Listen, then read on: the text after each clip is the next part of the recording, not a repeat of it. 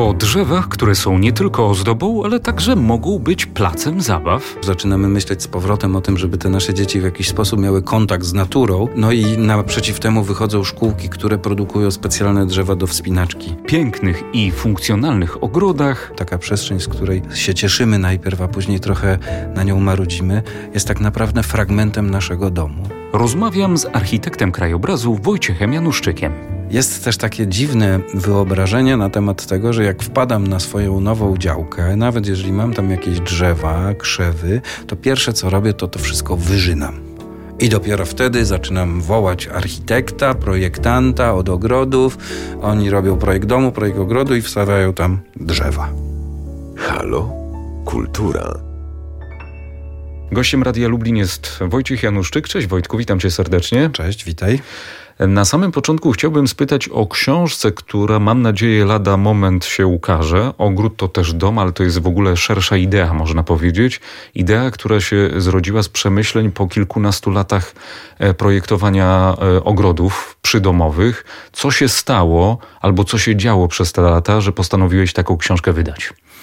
Po kilkunastu latach projektowania i wykonywania ogrodów. A, no właśnie. Tego zacznijmy, bo chodzi o to, że na etapie projektowym czasami niezauważalne są pewne zachowania klientów, czy w rozmowach z inwestorami niezauważalne są pewne rzeczy. Natomiast jeżeli jesteśmy na budowie, jeżeli tworzymy ogród, jeżeli budujemy ogród, bo to jest może takie trochę kontrowersyjne, można powiedzieć, w moim środowisku i nie tylko stwierdzenie budowania ogrodu, a nie zakładania ogrodu, ale o tym za chwilkę powiem, to mm, zauważa się pewnego rodzaju zachowania inwestorów, czy jakby właścicieli przestrzeni, której ma powstać ogród albo ogród już istnieje.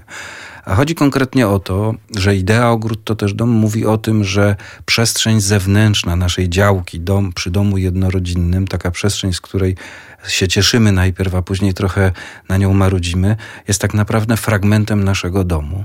A my o tym zapominamy. Trochę traktujemy to po macoszemu także jeśli chodzi o planowany budżet, albo w ogóle jeśli chodzi o myślenie o tej przestrzeni? Jeśli chodzi o wszystko, co jest z nią związane.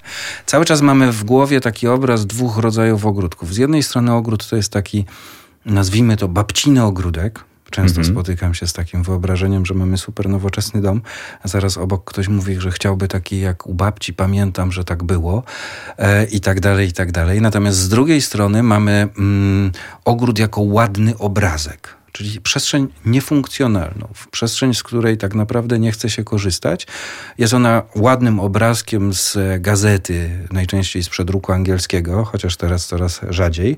E, I chcemy mieć coś takiego w przestrzeni, na co popatrzymy. Ja zawsze po powtarzam, że to jest mniej więcej jak z obrazem. Nawet jeśli byśmy kupili sobie Picassa, nawet jakbyśmy sobie kupili e, jakiegoś innego artysta obraz, jak go powiesimy na ścianie, będziemy przez miesiąc koło niego przechodzić, będziemy się bardzo cieszyć, będziemy czuć jakby w organizmie, nawet tak jakby fizycznie to, to, to uciechę, to łaskotanie, takie te motylki, że tak się wyrażę, to po jakimś czasie on się wtopi w tło, on nam spowszednieje, będziemy już przechodzić koło niego normalnie. I tak samo jest z ogrodem. Jeżeli stworzymy tylko ładny obrazek, jeżeli stworzymy tylko przestrzeń, która jest do oglądania, można powiedzieć, to po krótkim czasie on nam się znudzi i zacznie zarastać i przestaniemy z niego korzystać. Więc idea ogród to też dom mówi przede wszystkim o tym, że jeżeli planujemy mieć ogród, jeżeli powiemy sobie, że chcemy, żeby on zaistniał, to wtedy powinniśmy o nim pomyśleć funkcjonalnie. Najpierw funkcja, później design, stylistyka i dopiero później to nazwijmy meblowanie tej przestrzeni.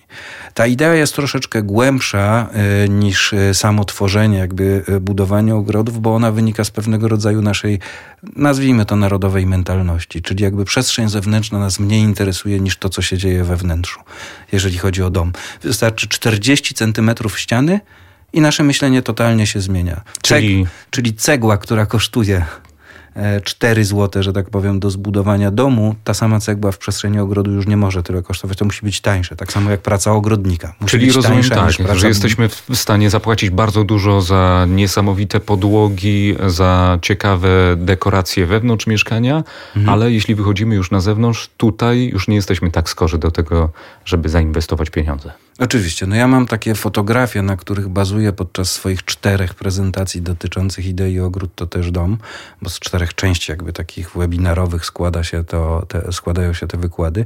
Mam tam takie fotografie, w których pokazuję podłogę za 1000 zł wewnątrz, Mhm. za metr kwadratowy z wewnątrz budynku i ścianę, wejście na taras, gdzie zaraz za tą ścianą mamy płytki gresowe za 20 zł. Ale e, to, e, to nie jest tak, że w tej idei po prostu zachęcasz tylko i wyłącznie do tego, żeby doinwestować, żeby wydać pieniądze na ogród, bo jeżeli em, trafi do Państwa ta książka i będą Państwo mogli już przeczytać fragmenty, to tam także e, informacje o tym, jak sensownie właśnie myśleć o ogrodzie i projektować ogród, aby zaoszczędzić sobie nerwów, czasu i, i też I pieniędzy, pieniędzy prawda? A jakie byś dał patenty takie na szybko? Co zrobić w tym pierwszym etapie, kiedy dopiero projektuję budowę domu i też e, budowę ogrodu, żeby zaoszczędzić pieniądze i nerwy?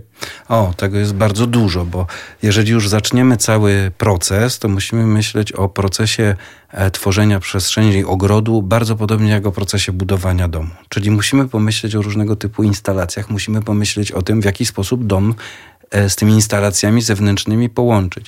Bo do tej pory mamy kilka takich właśnie ciekawych naleciałości, które nam pozostały w głowie z tego niemyślenia o przestrzeni ogrodu jak o, dom, o przestrzeni użytkowej, funkcjonalnej. Na przykład wypuszczamy na zewnątrz z domu tylko jeden kabel.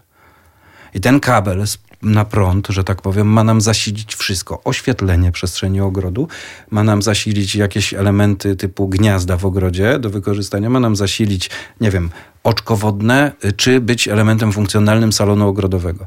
Nie da się tego w ten zro- sposób zrobić. Proszę zobaczyć taką sytuację. E, wewnątrz domu światło stało się elementem architektonicznym. Sta- nie, nie, już jest, nie ma już tylko w nim funkcji tak zwanej jakby światło włącz, żeby było jasno i wyłącz, żeby było ciemno, tylko mamy element architektoniczny. Na ścianach mamy baterię przycisków, które mają nam powodować różnego typu efekty. Sterujemy kolorami. Oczywiście, no kolory to już tam Tak. Akurat bajka. Nie będę wnikał, jak kto woli. Natomiast raczej chodzi mi o natężenie tego światła, podświetlenie, doświetlenie, różne zachowania. A wychodzimy w przestrzeń ogrodu, mamy tylko przycisk uruchom i niech to przestanie za chwilę działać. Tak, na przykład na podstawie czujnika ruchu czy jakiegoś innego i tak dalej. Mamy światło jednolite, jednorazowe, nazwijmy to jeden obwód na cały ogród. I to jest jakby ta, ta myśl ogród to też dom. 40 centymetrów ściany zmienia nam mentalność. Tu możemy mieć baterie różnego typu działań, natomiast wychodząc na zewnątrz cały czas pozostajemy w mentalności jednego włącznika, jednego elementu uruchamiającego światło i tylko jednego elementu. A tam mamy oświetlenie funkcjonalne, oświetlenie bezpieczeństwa i oświetlenie ozdobne na zewnątrz. Też musimy podzielić to na obwody. Ja wracam jeszcze do, do tych oszczędności, bo często te argumenty finansowe są najlepsze w dyskusji z inwestorami i one ich przekonują. Mówiłeś o tych instalacjach, na przykład o instalacji elektrycznej, którą także musimy mieć w ogrodzie. Ktoś wypuszcza jeden kabel, buduje dom, e, daje posadzkę na zewnątrz, no i później okazuje się, że... I później okazuje się, że trzeba to kuć i że trzeba się zastanawiać, jak podłączyć to światło. Trzeba się zastanowić, gdzie dać e, elementy uruchamiające światło na zewnątrz, wewnątrz budynku, tak? I okazuje się, że najlepsze miejsce byłoby w salonie przy wyjściu przez taras, ale tam już mamy pomalowane, tam już mamy zatynkowane. Więc to wszystko jakby nagle się okazuje, że sprzężenie tych dwóch światów e, jest, e, trzeba albo dorzucić trochę pieniędzy, żeby to wszystko skuć i na nowo e, zamontować, albo odpuścić. I jeżeli odpuścimy, to wtedy trzeba pamiętać o jednej rzeczy, że człowiek jest przyzwyczajony, ma, no, można powiedzieć, ma różnego typu nawyki. Jeżeli wchodzimy w nową przestrzeń domu jednorodzinnego i jeżeli nie wykształcimy w przeciągu kilku chwil, można powiedzieć, miesiąca, półtorej, dwóch miesięcy, nowych nawyków korzystania z tej przestrzeni, one nie będą właśnie takim, że będziemy korzystać na zewnątrz, uruchamiać, nie uruchamiać, później się do tego przyzwyczaimy i już nam tak zostanie, że ta przestrzeń stanie się nam, można powiedzieć, do pewnego stopnia obca przestrzeń ogrodu, bo nie będziemy z niej korzystali, nie będziemy mieli gdzie podpiąć laptopa, nie będziemy gdzie mieli podpiąć projektora do kina domowego i wszystko będzie się działo wewnątrz, tak jak się działo do tej pory, jeżeli na przykład przeprowadzamy się z bloku do domu jednorodzinnego. Wśród tych tipów, które być może Państwa przekonają do tej idei, jest jeden, który zwłaszcza mi przypadł do gustu, bo miałem już okazję czytać fragmenty tej książki, a więc opowieść o tym, jak e, warto zadbać o ziemię, którą em, mamy na miejscu. No tak, zaczynamy budowę, No i chyba warto byłoby w jakiś sposób, zanim ten dom tam stanie, przyjadą betoniarki i mm. zacznie się niestety chlapać różnymi chemikaliami, zadbać o coś, co jest bardzo cenne, a więc o, o humus. humus. Tak, o humus. To też jedno, ponieważ e, książka Ogród to też dom mówi również o tym, nie tylko o takich ideologicznych sprawach, ale o całym procesie, fazie przedprojektowej, projektowej, realizacji, eksploatacji ogrodu. Później może to trudno zabrzmieć, e, natomiast tak to właśnie z punktu technicznego jest. I to, co wspomniałeś, e, to bardzo prosta rzecz. Mamy zgodnie z polskimi przepisami taki zapis, jeden paragraf, paragraf, który mówi o zabezpieczaniu humusu na inwestycji. Czyli jakby pilnowaniu, żeby ta ziemia, która jest ziemią żywą, można powiedzieć, która jest ziemią organiczną. To jest 30-40 centymetrów e, na każdej działce mniej więcej. Co to znaczy, że jest żywą? To znaczy, że jest pełną bakterii, grzybów e, i różnego typu robaczków. I dżdżownic, które spulchniają. I tak? dżdżownic tak? i wszystkiego innego. I tak naprawdę to jest ta forma ożywiona. To jest ta, z której rośliny czerpią. To jest ta, gdzie żyje, życie to biologiczne się tak naprawdę, że tak powiem, głównie dzieje.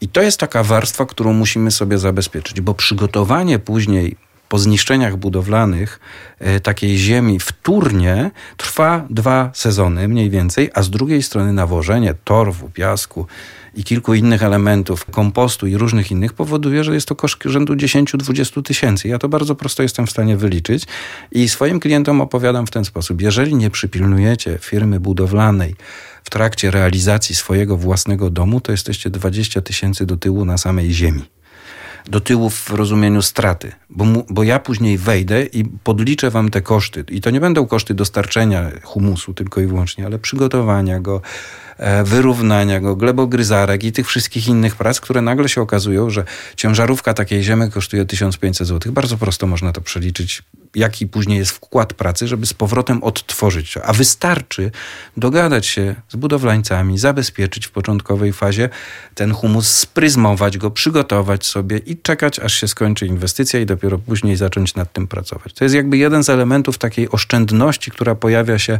na etapie E, rozważań w fazie jakby przedprojektowej i w fazie początkowej fazie realizacyjnej. Dobrze mieć samemu tę świadomość, bo bardzo często budowlańcy, którzy stawiają dom, takiej świadomości nie mają. Wiem, że e, i w Twojej pracy często dochodziło do takich spięć, kiedy no, budowlańcy nie rozumieli, że ziemia jest naprawdę cenna i że nie można jej zanieczyścić chemikaliami. A tak, właśnie z, jeden z rozdziałów mówi o tym, o, tym, o tym, co się działo na realizacjach w początkowej też fazie mojego e, uczenia się budowania ogrodów. E, gdzie, gdzie zdarzało mi się, y, no, zdarzały się po prostu awantury. Awantury polegające na tym, że moi pracownicy ciężko pracowali nad przygotowaniem podłoża, na przykład pod trawnik, a panowie wewnątrz tego garażu, e, tego budynku malowali garaż i układali w środku płytki. I cała chemia, e, która była w wiaderkach, że tak powiem, ta woda od płukania pędzli i wszystkiego innego lądowała na terenie, gdzie gdzie były przygotowywane mm, jakby prace ziemne pod trawniki. I któregoś razu po prostu zdarzyła się taka sytuacja, którą dzisiaj opowiadam jako anegdotę, ale jako znowu anegdotę, która ma głębszy sens w rozumieniu tej idei ogród to też dom, bo tutaj uczestniczył też w tym całym problemie, czy jakby w tej, w tej całej sytuacji uczestniczył też inwestor, który nagle zmienił podejście do rzeczywistości po mojej wypowiedzi, a, a sytuacja była prosta. No panowie wylali trochę kleju, trochę farby, kilka wiaderek na teren pod trawnik. Moi pracownicy zawołali mnie, ja wkurzony, można powiedzieć, zdenerwowany na całą sytuację, e, wziąłem gumowe buty, wszedłem w to błoto e, po tej farbie i wszedłem im na te płytki i oparłem się o tą ścianę. Z premedytacją zrobiłem to e, na ostro, że tak powiem. Efekt był taki, że nagle zrobiła się awantura, zadzwoniono po inwestora, bo tu już prawie dochodziło do rękoczynów między dwiema ekipami. E, przyjechał inwestor, też z pretensjami do mnie, więc zapytałem go, jaka jest różnica pomiędzy tym, co oni zrobili, a tym, co ja zrobiłem po. No oczywiście czysta żywa złośliwość, ale tu już jakby całkiem inne, o, o całkiem coś innego W celach chodziło. edukacyjnych. Cele edukacyjne, no, takie zobrazowanie pewnej rzeczy, ale y, zadziałało. Zadziałało na budowlańców, zadziałało na inwestora. Inwestor później porozmawiał ze mną na ten temat. Oczywiście ponieśliśmy koszty i tak dalej, naprawienia tego wszystkiego z jednej i z drugiej strony. Natomiast jakby myślę, że ta ekipa budowlana już poszła sobie e, na inną budowę z trochę innym myśleniem. To jest to zakopywanie śmieci pod powierzchnią ziemi, co się często jeszcze na budowach zdarza oszczędność na kilku kontenerach, żeby tego nie wywieźć. To chyba niestety e, bardzo popularne Bardzo wciąż. popularna rzecz, a później budując ogród musimy to wyciągać, tak? Albo, albo, albo po prostu nie rosną nam rośliny. Zakopywanie tej chemii, zakopywanie tych wszystkich tych. Ja zawsze pytam inwestora, mówię, panu to nie przeszkadza? A dlaczego ma mi przeszkadzać? Ja mówię, przecież to jest pana dom to, co się dzieje na zewnątrz. Proszę sobie wyobrazić taką hipotetyczną sytuację, w której idzie pan z kierownikiem robót przez e, swój dom, a pracownicy podległe jego, e, znaczy podległych mu ekip wysypują tuż przed wylaniem posadzki w salonie, wysypują tam śmieci, odpadki budowlane pod tą posadzkę i pan tak stoi sobie spokojnie i na to patrzy. Mówi, no nie, na pewno bym, że tak powiem, zrobił z tego tytułu awanturę. Mówię, oczywiście, że tak. To dlaczego pan nie robi? Kawałek dalej, za 40, 40 centymetrów ściany już ma panu się mentalność zmienia. Tam już mogą panu to wszystko wysypywać i ma pan, że tak powiem, to e, na to pan nie zwraca uwagi. No i nagle się ta, ta furteczka otwiera. Pyk, zaczyna działać. Czyli idea ogród to też dom to cały proces inwestycyjny, oszczędności bardzo duże, kilkadziesiąt tysięcy e, jestem w stanie jakby skalkulować każdemu inwestorowi, na czym można zaoszczędzić kilkadziesiąt tysięcy przy pracach ogrodowych i najchętniej te pieniądze wtedy przeznaczyć już właśnie na tą funkcjonalność ogrodu, żeby można było z niej korzystać, czyli ten drugi aspekt idei ogród to też dom. Mi w tej książce bardzo podoba się też aspekt projektowania domu z uwzględnieniem drzew i roślinności, która jest. To chyba bardzo rzadkie, kiedy projektujemy dom pod otaczającą nas roślinność, bo tak jak patrzę teraz na ogłoszenia e, ziem, ziemi do kupienia działek, to zazwyczaj to są po prostu puste kawałki pola bez ani jednego drzewa. Więc e, chciałbym spytać o jedną rzecz, którą także się zajmujesz, a więc o przesadzaniu, o sadzeniu dużych drzew. To jest możliwe, żeby kupić puste pole i jednak e, posadzić jakieś drzewo, które będzie dawało cień? No przede wszystkim to poszukiwanie działki, to jest w ogóle cały duży świat do dyskusji na, na, na ten temat, bo tu chodzi o ideę sadzenia dużych drzew. Z jednej strony nasze myślenie, że dużych drzew się nie sadzi, takich już sporych, a ja jestem zwolennikiem idei, że się sadzi i sadzę skutecznie drzewa o średnicy 40-50 cm i nie ma z tym żadnego problemu, ale są to drzewa przygotowywane w szkółkach w szkółkach, które mm, przesadzają co dwa lata to drzewo. My mamy... Tak, żeby przyzwyczaiło się tak, do tego procesu. Tak, żeby przyzwyczaiło się do tego całego procesu y, przemieszczania go. Proszę pamiętać o jednej rzeczy, że gdzieś w naszej głowie z książki z biologii pozostała informacja o tym, że mamy korzeń palowy w drzewie i że ten system korzeniowy jest tak potężny w drzewie, że nie jesteśmy w stanie z tym drzewem nic zrobić. Natomiast jeżeli...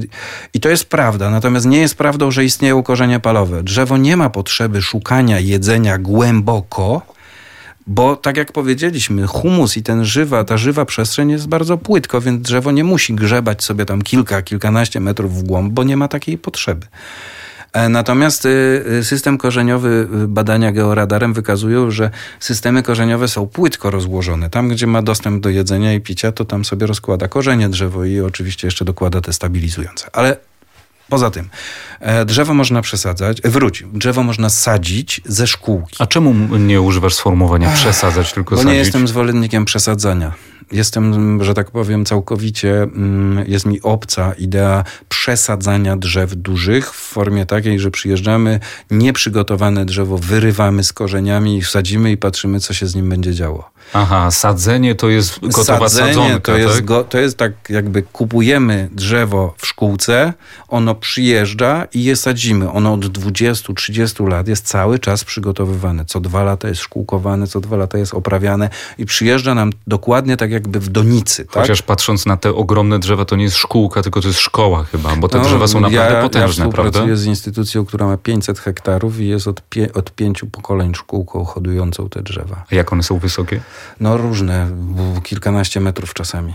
Więc to są potężne naprawdę drzewa, ale proszę pamiętać o jednej rzeczy. Tam ludzie siedzą i pracują nad tym non-stop. Są technologie, są oprogramowania, wszystko zaplanowane bardzo dobrze, gdzie i w którą stronę ma się przemieszczać. To są szkółki, które wybierają klientów, którym sprzedadzą drzewa. Te drzewa się przyjmują? Bo te drzewa są tak wartościowe dla nich z punktu widzenia również e, mentalnego, że tak powiem. Te drzewa się przyjmują. No bo wiem, że masz parę takich nasadzeń za sobą, tak? Tak, w Lublinie już też sporo tych drzew zostało posadzonych. Tak jak powiedziałem, powiedziałem, przesadzanie jest mi obce. Mam złe doświadczenia z przesadzania roślin, ale nie będę w to głęboko wchodził, bo, bo tak jak mówię, nie, nie, nie jest to główny temat. Natomiast sadzenie drzew e, dużych jest ciekawą sprawą. Oczywiście jest to bardziej kosztowne, tylko znowu to jest ta nasza mentalność. E, drzewo e, nie może kosztować w cudzysłowie więcej niż 200-300 zł. Ja się zastanawiam często, dlaczego tak myślimy, skoro to jest jakby mebel naszego ogrodu i jesteśmy w stanie na mebel w środku wydać na sofę kilka tysięcy złotych, a nie jesteśmy w stanie na taki mebel, który jest nam bardzo potrzebny, wydać takich pieniędzy na zewnątrz. Ale to może być, ja jeszcze przerwę, to może mhm. być mebel, ale to też e, z tego, co pamiętam z naszej rozmowy, może być też plac zabaw, bo opowiadałeś mi kiedyś o ciekawych drzewach, mhm. które e, mogą służyć po prostu jako typowe drzewa do łażenia dla dzieciaków. No tak? dojdziemy do tego. Dojdziemy do mhm. tego u nas w Polsce za jakąś chwilę, myślę, bo już pierwsze jaskółki się pojawiają. E, pojawiają się takie rzeczy jak rezerwat dzikich dzieci i rodzice nie boją się tam tych dzieci wprowadzać. Pojawiają się takie rzeczy, że, e, że już zaczynamy myśleć z powrotem o tym, żeby te nasze dzieci w jakiś sposób miały kontakt z naturą. No i naprzeciw temu wychodzą szkółki, które produkują specjalne drzewa do wspinaczki e, dla dzieci, do przedszkoli i szkół. Ja byłem... Czyli co, więcej mniejszych gałęzi, tak? Takie gałęzie, które jak dziecko będzie leciało w dół, to jakby... Zamortyzuje. zamortyzuje. Poodbija się od tych gałęzi i nie spadnie kilka metrów w dół. To jest fenomenalna rzecz, ale musimy jeszcze trochę zmienić nasze myślenie, jeśli chodzi o przedszkola, szkoły i tak dalej, i tak dalej. Ale ciekawą rzeczą jest to, że do tej szkółki, o której mówię, przyjeżdżają e, całe wycieczki dzieciaków i dzieciaki sobie wybierają drzewo, po którym będą się wspinały. To drzewo później z nimi jedzie, to już jest duże drzewo, po którym e, już e, za chwilę po zamocowaniu tego drzewa, po zabezpieczeniu go, te dzieciaki mogą się wspinać na górę i na dół. To jest bardzo fajna rzecz. No my, ja nie wiem, ja pamiętam ze swojego dzieciństwa wspinanie się na drzewo, czasami się spadało i różne rzeczy się działy. Nie wiem, jak to teraz wygląda, ale z tego, co myślę, że jest troszkę ciężko. Ale wróćmy jeszcze, jeśli mogę, na chwilę do tak. tej działki i do tego drzewa, bo to jest też dosyć ciekawa rzecz, a mianowicie wybieranie tej naszej działki pod nasadzenie, e, pod, pod ten nasz dom wymarzony. No mamy tutaj jakby y, kilka opcji. Najczęściej są to pola, jak wspomniałeś, na których y, są puste tereny i wybiera się pod dom jakiś teren. Ja mm, patrzę na to w ten sposób, że jeżeli miałbym wybierać działkę teraz, to wybrałbym już z istniejącym domem do przebudowy, ale też z dużymi drzewami. Bo szko- jakby nie mamy czasu na to, żeby te drzewa nam urosły na tej naszej działce, więc lepiej szukać takich, gdzie chociaż jedno, dwa te drzewa rosną. I jest też takie dziwne wyobrażenie na temat tego, że jak wpadam na swoją nową działkę, nawet jeżeli mam tam jakieś drzewa, krzewy, to pierwsze co robię, to to wszystko wyżynam. I dopiero wtedy zaczynam wołać architekta, projektanta od ogrodów. Oni robią projekt domu, projekt ogrodu i wstawiają tam drzewa. No i dla mnie to jest takie zastanawiające zawsze. Mówię, kurczę, na czym to polega? Przyszedł facet, wyciął drzewa, żeby posadzić drzewa. I żeby wydać pieniądze i, żeby i jeszcze wyda... czekać, czekać, aż to drzewo urośnie. Dokładnie. Prawda? Zamiast po prostu przeanalizować, aha, dobra, mam takie drzewa, mam takie krzewy, to jest to, to jest trochę dzikie, to jest trochę naturalne, to jest, to sobie zostawię, a tam to sobie y, wytnę, tak? I tu będzie dom, albo ten dom ustawię względem tego drzewa, które jest na działce. W, znowu w książce opowiadam o tej sytuacji jako o takim flagowym przykładzie. Przyjechał inwestor, miał stuletniego dęba, może nie stuletniego, przesadzam, ale naprawdę kilkudziesięcioletniego dęba. Wyciął tego dęba na działce. I, I najciekawsze jest to, że w miejscu, w którym e, zostało to drzewo wycięte, on posadził dęba autentyczny przypadek, żadnej, że, że, tak powiem, konfabulacji z mojej strony. W tym samym miejscu rósł dąb. Mały, kilkumetrowy, tam nazwijmy to trzymetrowy, tak? Czyli no mniej więcej za 70 lat będzie miał ładne drzewo, takie, które miał na tej działce przed budową. Nie wiem skąd to się u nas bierze. Myślę, że jest to po prostu brak takiej głębszej analizy tego. Brak e, projektowania odpowiedzialnego. Ja myślę, że to jest po prostu tworzenia mhm. odpowiedzialnego przestrzeni. Myślę, że to jest skupienie się rzeczywiście na tym domu, mhm. e, a później będę myślał o ogrodzie. Mój znajomy buduje się e, teraz, ma jedno duże drzewo. I e, na samym początku myślał, no tak, wytnę, żeby robotnicy mieli dostęp, żeby mogły wjechać ciężarówki. Musiałem z nim rozmawiać, powiedzieć, chłopie, będziesz później płacił kasę za to, żeby zasadzić i jeszcze czekał na ten moment, w którym będziesz mógł się e, położyć w jego cieniu. Udało się, zachował, jest teraz bardzo zadowolony z tego Chyba powodu. Nawet znam. No, ale tak. Ale um, odnośnie, um, myślę, że sporo się też zmienia w społeczeństwie i w tej świadomości dotyczącej zieleni, także tej zieleni e, w kontekście budynków, zieleni w kontekście miasta.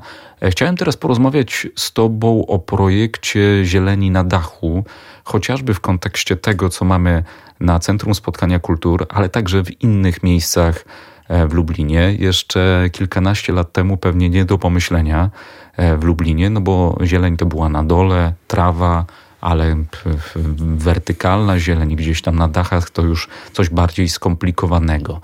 E, to rzeczywiście trudna rzecz do zrealizowania i do utrzymania, taka łąka na dachu, jak jest na przykład na CSK? Na samym początku tworzenia e, budynku, projektowania budynku, tak, bo musimy odpowiednie obciążenia przygotować. Zarówno CSK, e, jak i inne obiekty w mieście projektowane przez, nazwijmy to, światłych architektów, czyli wiedzących, że można działać w myśl idei Corbusiera, czyli to, co zabierzemy naturze pod budynek, oddajemy jej na dachu, tak? Czyli jakby to jest e, ta piąta elewacja, o której mówił Corbusier i jedna z jego zasad również, że trzeba tą zieleń wprowadzać na dachy, bo zabieramy e, ziemię po to, żeby postawić budynek, więc e, wyrzućmy tą ziemię na górę i tam posadźmy rośliny i wtedy będziemy mieli jakiś tam rodzaj fragmentarycznego usprawiedliwienia wobec pewnych zasad, idei, natury i tak dalej, i tak dalej.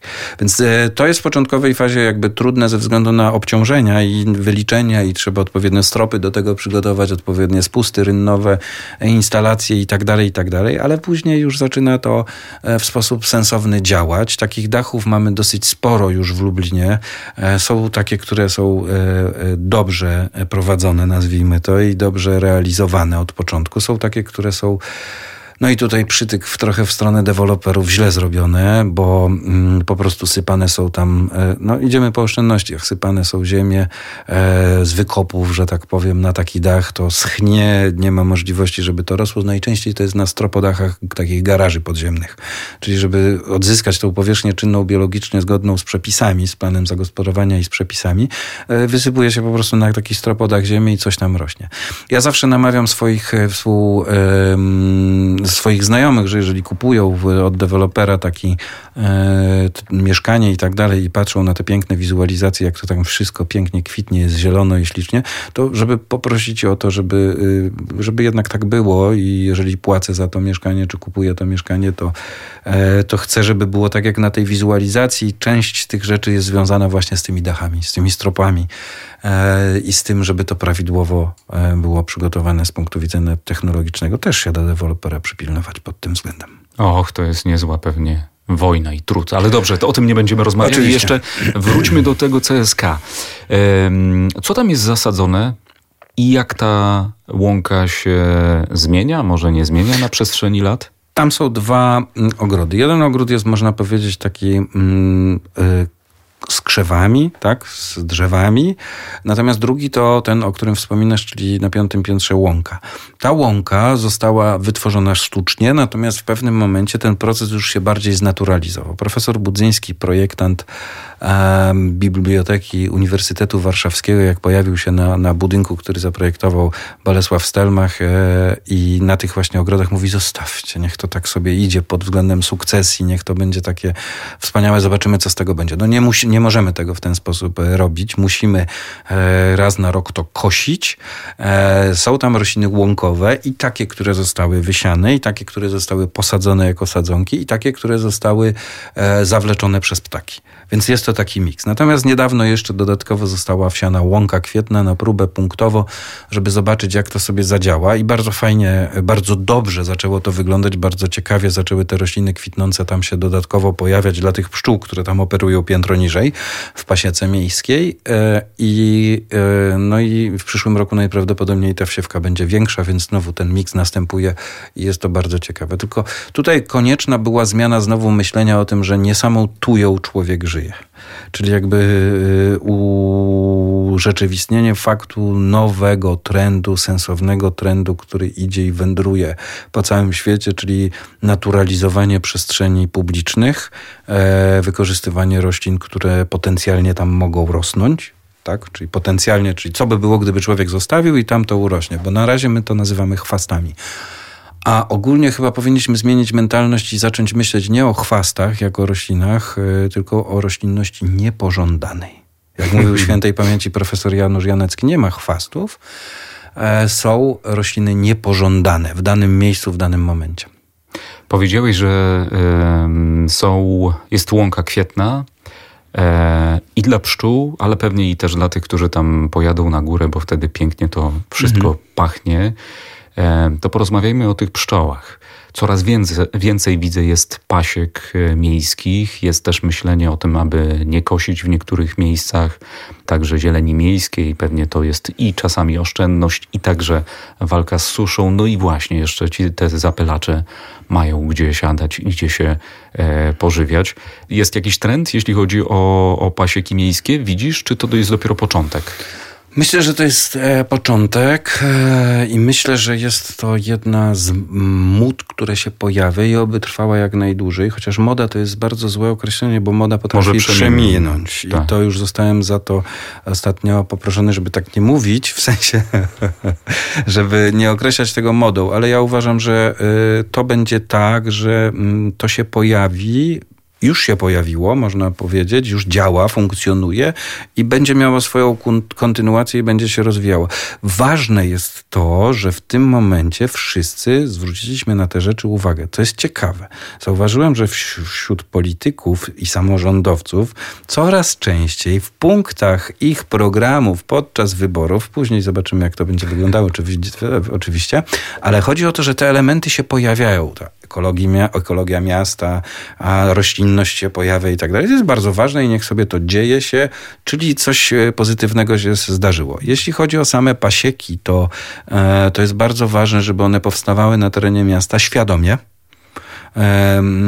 żeby miały element edukacyjny, o którym rozmawialiśmy e, też już na, na, na, ten aspekt edukacyjny, żeby uczyć te dzieci e, tej bliskości, to jest jakby jeden z ważnych aspektów, ale z drugiej strony, żeby to miasto było zapylane i z drugiej strony, żeby wykorzystywać ten ekosystem niepryskanych terenów, bo miasto nie jest pryskane w porównaniu. Jest wielo, można powiedzieć, wielo, mm, wielokulturowe, jeśli chodzi o rośliny, wielowątkowe, jeśli chodzi o rośliny. Nie ma monokultur, nie ma tak, że mamy 600 hektarów rzepaku, tylko mamy bardzo dużo różnorodnych roślin i pszczoły z tego bardzo dobrze korzystają, inne zapylacze również. Natomiast powstawanie tych pasiek powoduje e, w mieście, że mamy jeszcze mióg, że mamy zwrócenie uwagi na pewne aspekty, które są dla nas ważne, bo jest to powiedzenie, które moim zdaniem jest prawdziwe. Jeżeli nie będzie pszczół, nie będzie człowieka. Tyle. Podpytuję Cię o te pasieki, w ogóle o pszczoły, a to w związku z kolejną działalnością, z kolejnym działaniem, które podejmujesz w ramach Fundacji Krajobrazy, a więc popularyzacja myśli Stanisława Jasińskiego, osoba przed laty związana z Lublinem i mająca niesamowicie ciekawy pomysł na to, jak wokół pszczelarstwa e, można gromadzić ludzi, ale także dawać pracę. No I, tak. I godną zapłatę. I godną zapłatę, właśnie, dokładnie. Y, mm, Stanisław Jasiński, fenomenalny Polak, który w okresie międzywojennym, tuż przed wojną drugą, e, tworzył Rzeczypospolitą Pszczelarską, która tak naprawdę była spółdzielnią i przestrzenią i miejscem pracy ludzi. E, to, to, taki, można powiedzieć, NGO-sowiec, ideowiec, powinniśmy się na takich ludziach wzorować i bardzo wiele osób, które tworzy teraz współczesne NGOsy, e, jakieś spółdzielnie, czyli organizacje pozarządowe, tak powiem, e, to, to, to są ludzie, którzy właśnie działają w ten sposób i, i myśląc często, że to jest już teraz, a wcześniej tak nie było. No oczywiście patrząc mhm. na pana Jasińskiego trzeba powiedzieć, że nie. No, to był człowiek, który siadał w swoim fotelu i mówił do swojej małej córki, mówić córciu, zobacz, to będzie tak, a tu będzie stał młyn, a tu będzie stała pasieka, a tu będzie stał, a tu będą drzewa, a tu będą rośliny i zobacz, ile ludzie będą mieli fajnej pracy. Znaczy fajnej może nie mówił, ale mówił, ile ludzie będą mieli pracy i tak dalej. Czyli był bardzo mocno zaangażowany w tworzenie takiego e, również projektu dużego ogrodu parku edukacyjno-pszczelar, e, znaczy edukacyjno pasiecznego, ja bym to tak powiedział, przestrzeni ogrodu, która miała być potężną pasieką, i z drugiej strony miała mieć walory edukacyjne i takie mm, mocno prospołeczne. Tworzył to, tworzył y, z pszczelarzami dużą spółdzielnie. Działało to jak taki bardzo skuteczny mechanizm, no ale nastała wojna, zaraz po wojnie ukrócono mu również y, te wszystkie jego działania. A jaka była ta wizja, gdzie ten ogród miał powstać? Na terenie obecnego Zalewu Zębożyckiego, czyli jakby tam był zaprojektowany i jest projekt. Jest projekt, jest cała nasza wystawa, która pokazuje ten projekt, pokazuje jego życie i pokazuje to, w jaki sposób te mechanizmy natury w przestrzeni miasta działają i funkcjonują. Teraz w przestrzeni miasta, bo wtedy to było raczej przedmieście albo, albo kawałek od miasta. Natomiast sama idea jest, e, jego, jego postać w ogóle jest e, dla nas fenomenalnym zjawiskiem. Pracujemy jako Fundacja Krajobrazy e, w takim zespole, gdzie jest pszczelarz miejski, architekt krajobrazu, gdzie są animatorzy kultury, gdzie są osoby, które ulepią to wszystko i tworzymy różnego typu programy bazując na idei, którą miał Stanisław Jasiński, tworząc różnego typu spotkania dla dzieci, questingi i tak dalej, warsztaty. Jeżeli Państwo chcą więcej dowiedzieć się o tej postaci, to zachęcamy Państwa, by zobaczyć wystawę, instalację plenerową, która jest tuż obok Zespołu Szkół Plastycznych w Lublinie. Tam można więcej dowiedzieć się o Stanisławie Jasińskim. Zaczęliśmy od ogrodu i skończymy naszą rozmowę o ogrodzie, a raczej o festiwalu sztuki ogrodów In Garden. Rozumiem, że to jest jakieś spełnienie Twojego marzenia, bo wiem, że z pasją patrzysz na takie festiwale, które odbywają się i mają niesamowitą tradycję w Wielkiej Brytanii. To Chelsea jest... Flower Show, największa i najstarsza impreza na świecie w designie ogrodowym, tworzeniu ogrodów. Fenomenalna rzecz y, pod y, patronatem królowej Anglii, y, która co roku, chociaż w tym roku nie ze względów wiadomych, spaceruje sobie mm, z całą śmietanką towarzyską, mm, arystokracją angielską w pierwszym dniu powstania kilkunastu ogrodów na terenie parku, mm, który jest domem e, inwalidów wojennych, Pałac Inwalidów Wojennych, obok jest park, ci e, osoby, które tam, że tak powiem, zamieszkują ten pałac, e, tworzą też wspaniałe otoczenie tego całego wydarzenia. Jest kilkanaście ogrodów pokazowych, twórców tych ogrodów, którzy konkurują w różnego typu, można powiedzieć, konkursach, tworzą te ogrody. Te ogrody jakie mają... są na przykład konkursy konkursy dyscypliny? No, y, bliżej natury na przykład, albo nawiązania do historii. Ogród, tak, tak, nawiązania do historii w jakiś sposób. No i co roku z y, całego świata zjeżdża się mnóstwo pasjonatów y, architektury, krajobrazu, projektowania ogrodów, żeby obejrzeć te ogrody, które są zakładane przez miesiąc na terenie e, tego parku. Są to nośniki w ogóle całej idei y, ogrodowej, na przykład rezygnacja mm, systemów nawadniających, rezygnacja z e, roślin, które są wymagające dużo, wymagają dużo wody w momencie, kiedy zaczęliśmy rozmawiać o suszy. Działania e, jakby zwracające uwagę poprzez ogród na problemy różnego typu. Na przykład była, e, był, był, była taka edycja, która zwracała uwagę na problematykę związaną z Afryką.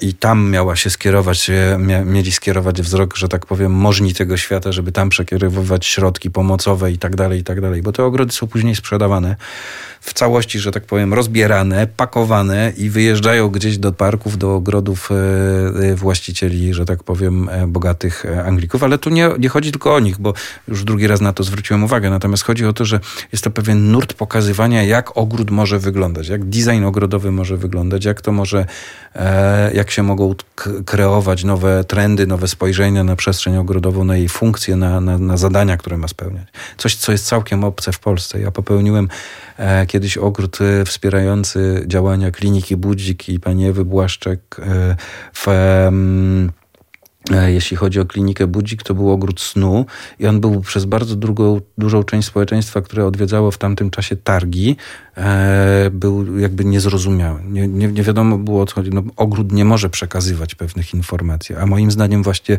jest bardzo dobrym, bardzo dobrą rzeczą do przekazywania tych informacji y, i pewnych, y, zwracania uwagi na pewnego typu problemy. Dlatego powstał Ingarden. Ingarden, który też miał być wydarzeniem jeszcze niedawno międzynarodowym, no ale okazało się, że e, mamy, mamy problem ze ściągnięciem gości z zagranicy. Obawialiśmy się, że może wydarzenie e, nie udać się, więc Ministerstwem Kultury doszliśmy do wniosku, że jednak wydarzenie się odbędzie w, ograniczonym, w ograniczonej, nazwijmy to, formie. E, będzie pięć ogrodów pokazowych, mm, chcemy stworzyć jakby pierwszą, pierwsze w Polsce i tworzymy pierwsze w Polsce takie wydarzenie, które pokazuje E, nie jako targi, tylko po prostu konkretnie pięć ogrodów pokazowych, gdzie autorzy chcą coś przekazać, że tak powiem, odbiorcom. E, będzie to wydarzenie, które będzie też pełne wykładów i spotkań z, ze specjalistami z różnych dziedzin, bo e, przestrzeń zewnętrzna to nie tylko architekci krajobrazu czy projektanci ogrodów, ale to również architekci, designerzy, projektanci wnętrzarscy, którzy często przekraczają te 40 centymetrów ściany E, chcemy ich e, spotkać ze sobą, chcemy, żeby ze sobą porozmawiali. Chcemy, żeby mieszkańcy Lublina i nie tylko Lublina, całej Polski przyjechali, obejrzeli te ogrody, żeby zobaczyli, jak ma wyglądać rzeźba w przestrzeni ogrodu, żeby zobaczyli, jak ma wyglądać rzeźba w przestrzeni e, na przykład Łąki Kwietnej, żeby obejrzeli pasiekę, taką żywą pasiekę. Właśnie skończyliśmy budować przeźroczyste ule żeby można było zobaczyć, jak tam te pszczoły operują w środku.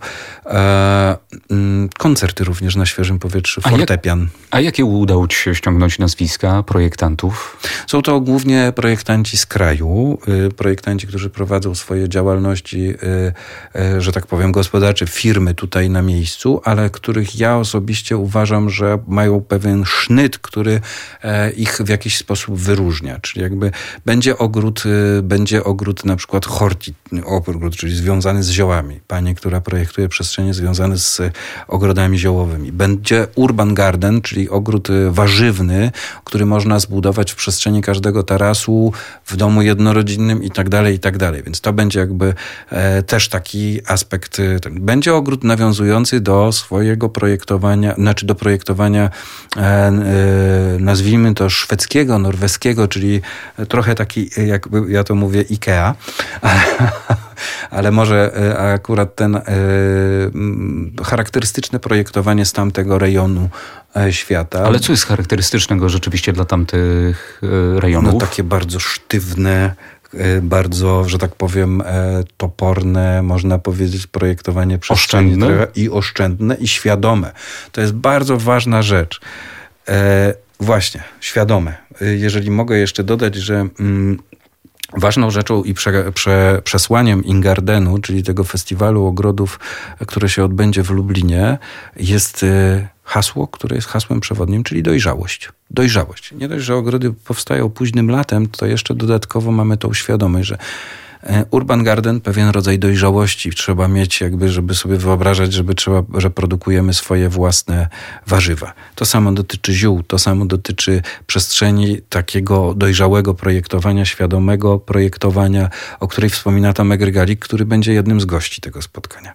Jeden z ogrodów, który ja stworzę, będzie to ogród, jego tytuł będzie Bez zniszczenia, czyli właśnie ta idea o drzewach, o nieniszczeniu roślin istniejących, y, nie wycinaniu, tylko wykorzystanie ich do potencjału aranżacji. Więc e, ta idea też jakby ciągnie za sobą pewnego rodzaju przemyślenia wszystkich twórców i wszystkich e, prezenterów, wykładowców, mentorów, którzy się pojawią na tym spotkaniu. Kiedy?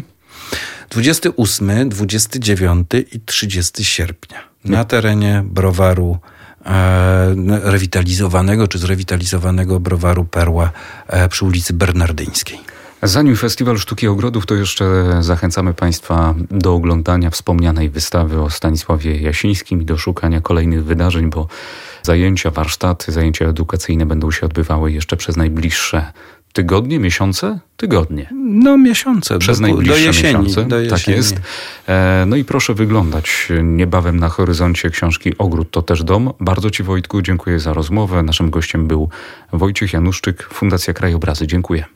Bardzo dziękuję. Halo? Kultura. A ja zachęcam, aby sięgnąć także po dotychczasowe podcasty, które ukazały się w ramach cyklu Halo Kultura. Na naszym kanale dostępne rozmowy z Anitą Lipnicką, Wojciechem Friedmanem czy Aleksandrą Popławską. Miłego odsłuchu.